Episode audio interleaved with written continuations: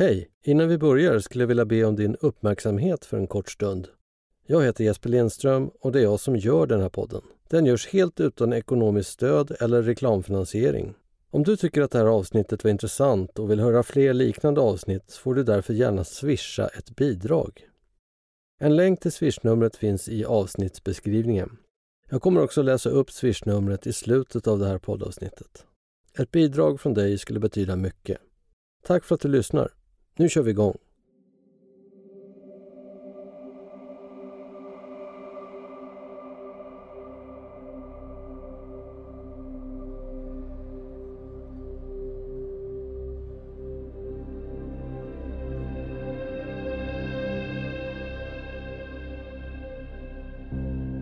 Jag heter Jesper Lindström och den här podden handlar om hur det är att leva med celiaki.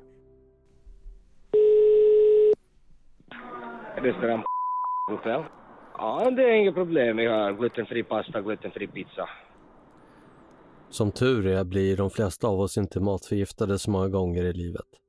Men man minns varje gång när det hänt. För Fanny är det vardag. Varje gång hon går på restaurang är det rysk roulette. Kommer hon bli matförgiftad den här gången eller inte? Varför är det så? Det är för att Fanny har en sjukdom. Ett lömskt smygande tillstånd som kallas celiaki, men de flesta känner till det som glutenintolerans. Ja, men det är väl inte så farligt, kanske du tänker. Lite magont bara, så går det över. Fast det är ingen vanlig matintolerans. Celiaki är en autoimmun sjukdom, precis som MS eller psoriasis. Det betyder att varje gång Fanny äter något som innehåller gluten så angriper immunförsvaret hennes kropp och slår ut tunntarmens förmåga att ta upp näring för en ganska lång tid framöver. Oklart hur lång. Dessutom blir Fanny fullständigt utslagen som vid en matförgiftning. Gluten finns i vete, råg och korn. Det räcker med en väldigt liten mängd för att orsaka en reaktion. Obehandlad kan sjukdomen leda till långvarig extrem trötthet, blodbrist, benskörhet, förhöjd risk för cancer och i förlängningen en för tidig död. Vem som helst kan när som helst utveckla celiaki och det är en livslång sjukdom. Det enda botemedlet idag är en strikt glutenfri diet. För en kort tid sedan blev Fanny glutenförgiftad. Igen. Vanligtvis konstaterar Fanny bara med en suck att det hänt igen. Den här gången tänkte jag försöka gå till botten med det hela. Jag åker hem till Fanny som berättar vad som hände. Hej Fanny! Hej. Du har precis fyllt 18, eller hur? Mhm.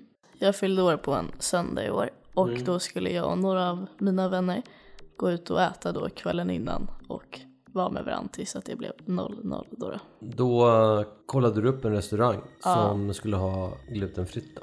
Ja precis, jag hade ju ringt dem samma dag då, då och just frågat om de hade glutenfri pasta och pizza. Och det hade de sa de. Så då kom du dit och eh, du beställde, vadå för någonting? Jag beställde då in en pasta. Mm. Jag kommer inte riktigt exakt ihåg vad den heter men det var någon form av tomat och mozzarella pasta. Och när du beställde den, hur beställde du den då? Sa du till? Eh, nej men jag sa ju då namnet på pastan och så frågade jag går den att göra glutenfri? Eh, och han som tog beställningen tog den i huvudet och bara ja absolut. Och så var det inget mer med det. Jaha, han skrev inte ner? Nej, Nej, okej. men han memorerade det. Ja. Och så sa han det högt innan han gick dock. Så det var väl bra, så det kändes ändå bra då. Och sen när du fick maten då, vad, hur gick det till? Då kom han, en ny kille tillbaka.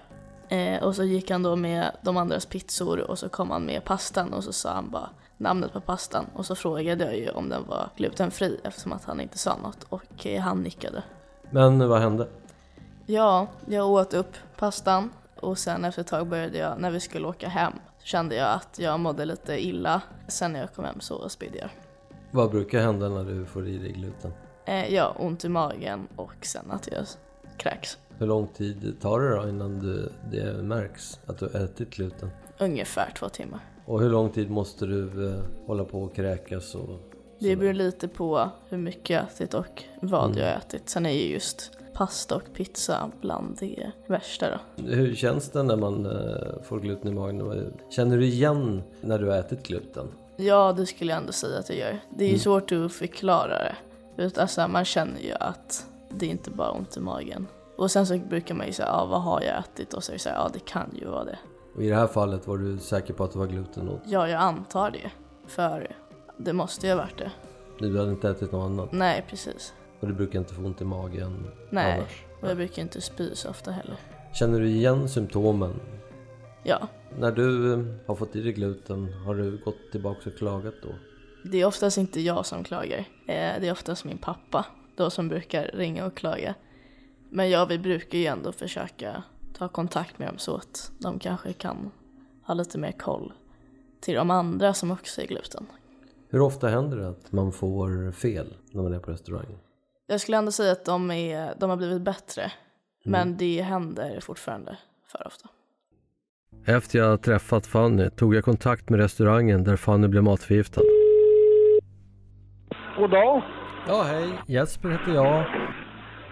Hej, Hej. Jag, jag ringde igår för att jag eh, hade ett klagomål. Det är hemskt, eller jag beklagar det inträffande. Framförallt för lilla tjejen och för Elsa och allt. Det enda jag kan göra en riktigt fin gest. Jag kan, du kan be tjej, lilla, lilla tjejen kontakta mig så får hon komma hit med sin, sin vän så får jag bjuda på två pasta. Eh, glutenfri. Vad jag egentligen skulle vilja veta är vilka rutiner ni har för att se till att det inte händer igen. Vi har glutenfri pizza, vi har glutenfri pasta. Och det hanteras på helt två olika sättet. För varje glutenfri rätt vi har. Till exempel nu har vi burrata. Det är med tomatsås och eh, burrata. Då lägger inte vi olivolja på burrata ovanpå. Och också täcker. Ja, då har ni lite rutiner på plats då så ändå. Ja. 100 procent. Ja. Tack för att du ringde. Fint. Hej. Okej, de är ledsna, men deras rutiner är det inget fel på, enligt restaurangen. Ändå gick det snett. De bjuder gärna på mat, men eh, jag tror inte Fanny är så sugen på det. Här kommer vi ingenstans. Kommunen då? De ska ju ha koll på alla utskänkningsställen där vi bor. Jag skickar in en anmälan och ringer till Livsmedelskontrollen. Jag heter Helena Rosén, jobbar på Livsmedelskontrollen Miljöförvaltningen i Stockholm. Och jag jobbar som livsmedelsinspektör och jobbar framförallt med utredningar av klagomål, misstänkta matförgiftningar och produktåterkallanden. Jag har ju gjort en anmälan på webben angående en glutenförgiftning på en restaurang. Och vad händer när man har gjort en anmälan på webben? Eh, när man har gjort en anmälan på webben eh, så får du ett automatsvar med att, du har, att din anmälan har kommit in och med den så får du även ett diarienummer. Och sen läggs den automatiskt i vårt eh, register, eller i vårt diarium kan man säga, heter det.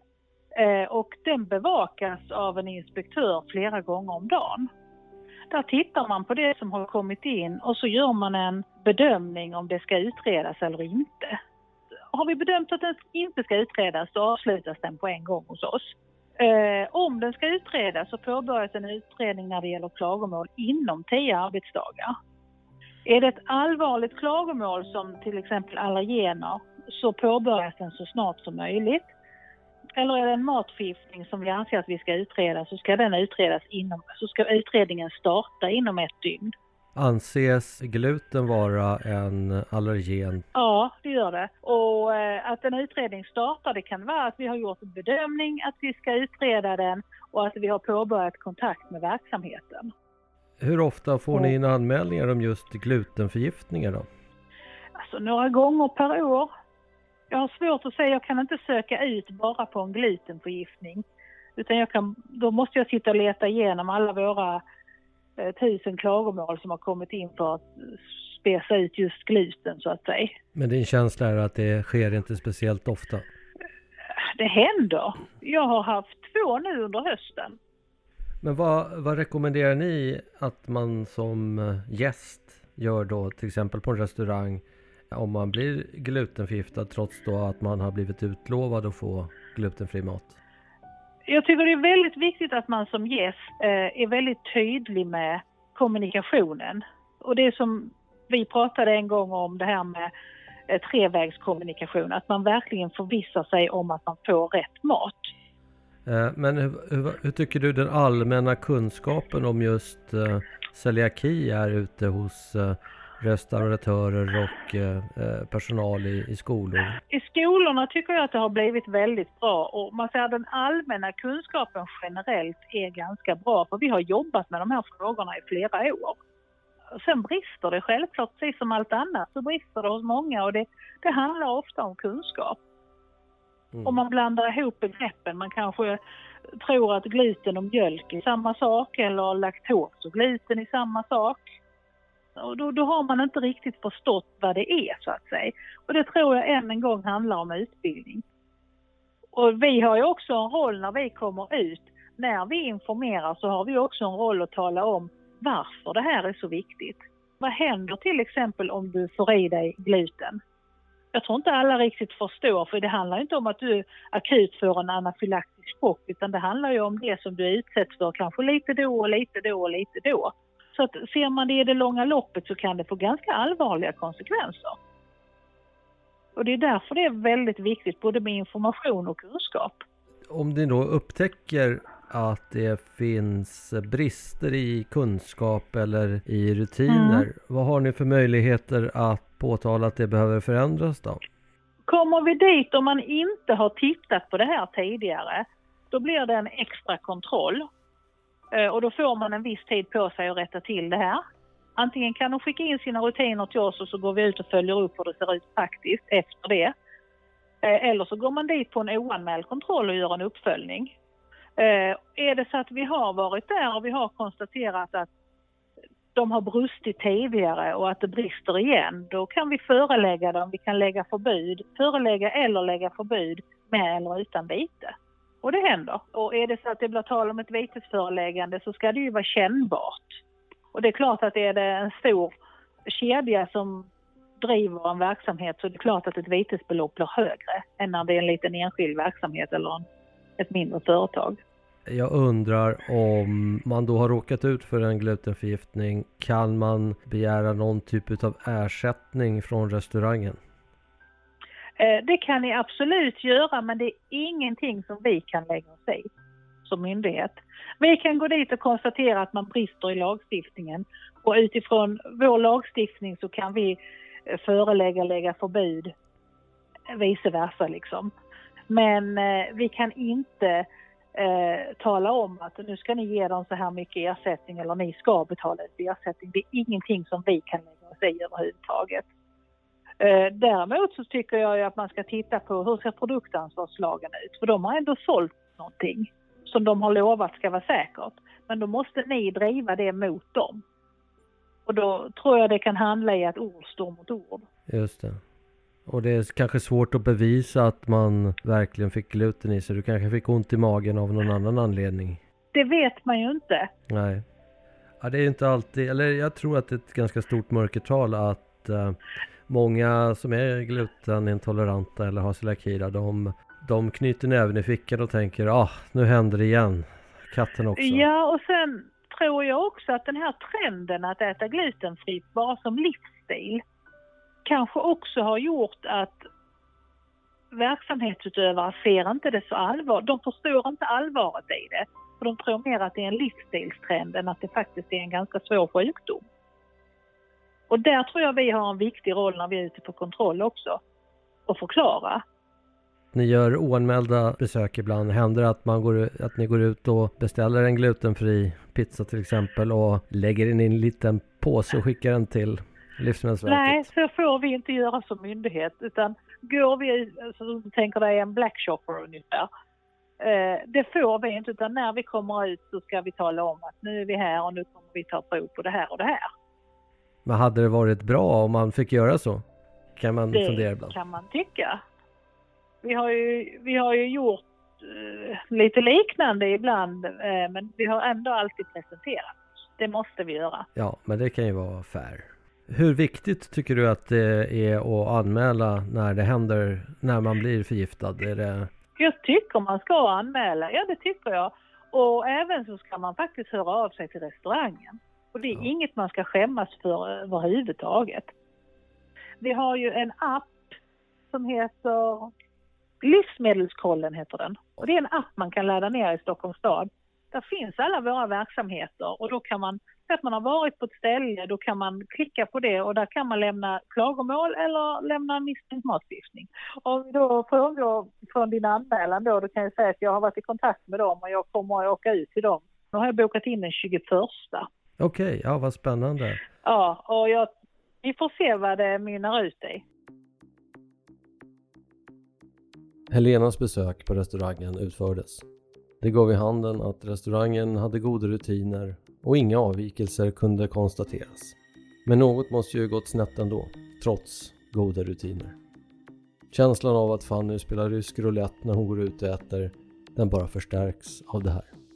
Hur ska man då göra för att slippa den ryska rouletten om man har celiaki och vill gå ut och äta? Jag ringer upp Svenska Celiakiförbundets ombudsman för att höra vad de har att säga om det här. Eh, ja, jag heter Linus Engqvist Rickert och jobbar som ombudsman på Svenska Celiakiförbundet. Du har ju hört historien som Fanny har berättat här. Och, och, min känsla är ju att det är lite av rysk roulette när man går ut och äter, trots att restaurangen kanske har visat sig ha goda rutiner. Hur ska man egentligen göra för om man har celiaki och går ut och äter för att slippa den här känslan? Jag ska säga att det första för att undvika gluten, då är det det här som, som Fanny också har gjort. Det är ju att kontrollfråga flera gånger om. Säg att du inte tål gluten och att du blir sjuk av gluten. För säkerhets skull. Även om det är uppgifter som du egentligen inte behöver lämna till dem. Så, så säg det ändå. Berätta att du blir dålig om du får i dig gluten. Det är viktigt att maten är glutenfri. Eh, får, får, du liksom minsta känsla av att de inte riktigt förstår, då skulle jag faktiskt välja en annan restaurang. Eh, men, men, det är väl det som man kan göra förebyggande syfte, tänker jag. Och sen då, om det ändå händer, vad ska man göra då? Det viktigaste av allt, är att anmäla till kommunen. För om inte kommunerna vet om att det händer, så lägger inte de resurser och pengar på det här. Och det är i den här intervjun som, som du gjorde med Helena så, så hon, jag uppfattar det som att det här handlar om en handfull fall per år i Stockholms stad med två miljoner invånare ungefär. Eller Stockholms kommun, det är, det är inte två miljoner där, men det är i alla fall det är många hundratusen som bor i Stockholms kommunen. Och det, det upplever ju inte jag alls från våra medlemmar, utan jag skulle säga att inräknat förskolor, skolor, restauranger, eh, hotell, barer, allt sånt där, så skulle jag säga att det händer nog några gånger per dag i alla fall. Och då har vi på vår hemsida på celiaki.se så har jag gjort i ordning en liten lathund för hur man gör. Hur, hur, man formulerar sig på ett smidigt sätt om det är till exempel förskola, skola eller om det är en restaurang. Och det här tycker jag att man ska skicka till kommunens kontaktadress eller registrator, inte direkt till miljöförvaltningen. Utan skicka till kommunens registrator så att det blir liksom diariefört på rätt sätt. Så att det sen kan synas i de nationella registren. Så eh, anmäla det är uh, nummer ett egentligen. Jag skulle säga anmäla är vägen framåt. För att om alla skulle anmäla, då skulle kommunen förstå att oj, det här är faktiskt ett jätteproblem. Här måste vi ju satsa på att utbilda personalen på förskolor och skolor. Att se till att eh, restaurangpersonalen och kaféer och allt vad det kan vara faktiskt har rätt kompetens. Ska man eh, kontakta restaurangen eh, före man anmäler eller? Jag, jag tycker att det alltid är bäst att, att prata först med restaurangen. Men de ska ha ett extremt bra svar för att du inte ska anmäla till kommunen. Även om restaurangen kanske egentligen ofta gör saker bra så blev det fel den här gången. Och det felet måste utredas. Även om de sen kommer fram till att jo, men de hade bra rutiner så är det i alla fall någonting som syns i statistiken. Så varje enskilt fall kanske inte ser, liksom, känns så jätteviktigt för just mig, när det händer mig. Men tillsammans så blir de här enskilda fallen en väldigt stor sak och det är där vi kan, liksom, som Celiakiförbundet, där kan vi ju påverka politikerna och visa att det här är ett jätteproblem. Som det ser ut nu när det kanske handlar om oh, ett hundratal anmälningar per år för 10 miljoner människor. Då är det inte ett stort problem för politiker eller för myndigheter. Kan man få ersättning om man uh, blir sjuk? Det första man kan göra är att säga till restaurangen att man, eller förskolan eller sånt där att jag, det här hände, jag vill få ersättning. Om man då till exempel har vabbat eller att man har blivit sjuk så man inte har kunnat gå till jobbet. Det är svårare i Sverige att få ersättning för, att, för sveda och värk. Även i domstol blir liksom beloppen ganska låga. Jag skulle säga att när man bara pratar med en restaurang så får man inte mycket. Det kanske handlar om några, några hundra kronor på sin höjd. Men om man inte kommer överens med restaurangen eller vad det kan vara för någonting, då, då, kan man gå vidare till Visitas ansvarsnämnd för de restauranger och hotell och kaféer och liknande som är anslutna till Visita. man kan läsa mer på deras hemsida. Och vad kan Visita göra då? Visita kan ju, för medlemsföretag så kan ju de försöka medla mellan kunden och restaurangen eller företaget. Och om man inte kommer överens så kan de ju lämna ett litet ett domslut eller förslag på, på lösning. Eh, jag har kikat igenom de fall som, som det handlar om och det kanske handlar om ett eller två per år. Eh, men det de kan göra är att säga då att ja, här är det uppenbart att ni har serverat fel. Vi tycker att ni ska betala då ja, kanske någon, några hundralappar för sveda och verk. Och sen även ersätta då för ja, men för exempel förlorad arbetsinkomst. Om man har fått vara hemma, legat, legat i sängen och varit dålig. Och hur vanligt är det att man får ersättning? De, de som begär ersättning som jag känner till, de kanske begär liksom några hundringar. Mm. Och där är det inte alls omöjligt att de faktiskt betalar kanske säg 200-300 kronor för att det blir fel. Skiljer det sig någonting åt eh, från kommun till kommun hur eh, miljö och hälsa agerar? Jag skulle säga att det skiljer sig ganska mycket. En stor skillnad mellan olika kommuner är ju att vissa kommuner anställer ju till exempel en livsmedelskontrollant på heltid eller flera stycken till och med, som de stora kommunerna. Medan andra har kanske delat ansvar som gäller alla miljögrejer i kommunen. Vilket gör att de får åka ut och kika på något kemiföretag så att de sköter sina kemikalier rätt. Och sen ska de också kika på ett livsmedelsföretag, hur deras rutiner är. Eh, så det kan bli ganska splittrade uppdrag vilket gör att man kanske inte alltid har stenkoll på allting. I stora kommuner så märker jag att i Malmö så har man bra koll på regelverket eh, medan man i Stockholm och Göteborg har en annan syn än Livsmedelsverket har eh, på vissa grejer. Vilket jag ser som ett stort problem. Att företag och konsumenter det blir olika regler beroende på vilken kommun man är i fast regelverket egentligen är nationellt och enhetligt. Just i dagsläget när vi pratar så är det lite svajigt tycker jag. Hur lagen, lagen liksom både efterföljs och hur, den liksom, hur lagen hanteras i olika kommuner. Det kan finnas fler kulor i revolven i vissa kommuner än i andra då, i den här ryska rouletten. Det, så är det faktiskt, tyvärr. Okej. Ja, det låter ju inte så hoppfullt då. Oavsett om man frågar kan man eh, bli förgiftad och om man blir förgiftad så kan man anmäla men det är inte så stor sannolikhet att anmälan gör någon effekt då. Såvida Eh, inte folk börjar anmäla i stor skala då. Jag skulle säga att ju fler som anmäler desto bättre kommer det att bli. Eh, och jag skulle också säga att alltså, vi, Svenska Celiakiförbundet, jobbar ju såklart med de här frågorna.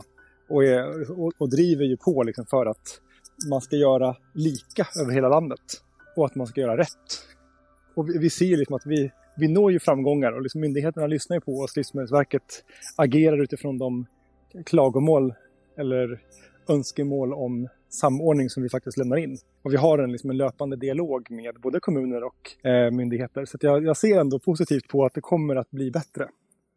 Eh, men en av de absolut viktigaste frågorna det är ju att om de inte ser att det är ett problem, då handlar det ju om att jag som en enskild företrädare för en, en, som en patientorganisation säger att det här är ett problem, men det syns inte i statistiken. Det hade varit mycket enklare om jag kunde peka på att, titta här, så här många glutenincidenter var det 2022. Men nu kan jag inte det, utan nu kan jag bara säga att den här statistiken är helt fel. Det, vi vet egentligen hur det är, men, det, men våra medlemmar har inte anmält det ännu. Så börja anmäl och då kanske det kan bli en förändring. Precis. Så Okej. det är ett bra budskap. Sen det här avsnittet spelades in har Fanny ringt mig och berättat att hon än en gång råkat bli förgiftad av gluten. Den här gången i skolans matsal där bröd med gluten i felaktigt placerats där enbart specialkost ska serveras. Även denna förgiftning anmäldes till kommunen.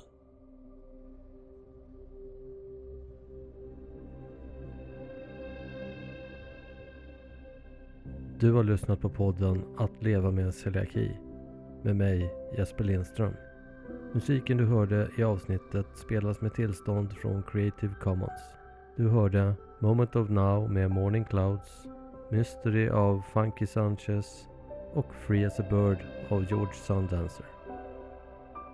Om du tycker den här podden var intressant och vill höra mer dokumentära podcasts i samma anda får du gärna swisha ett bidrag till 123 152 30 00. Du hittar också swishnumret på vår hemsida boldbuddha.se. Podden är producerad av Bold Buddha Production 2022.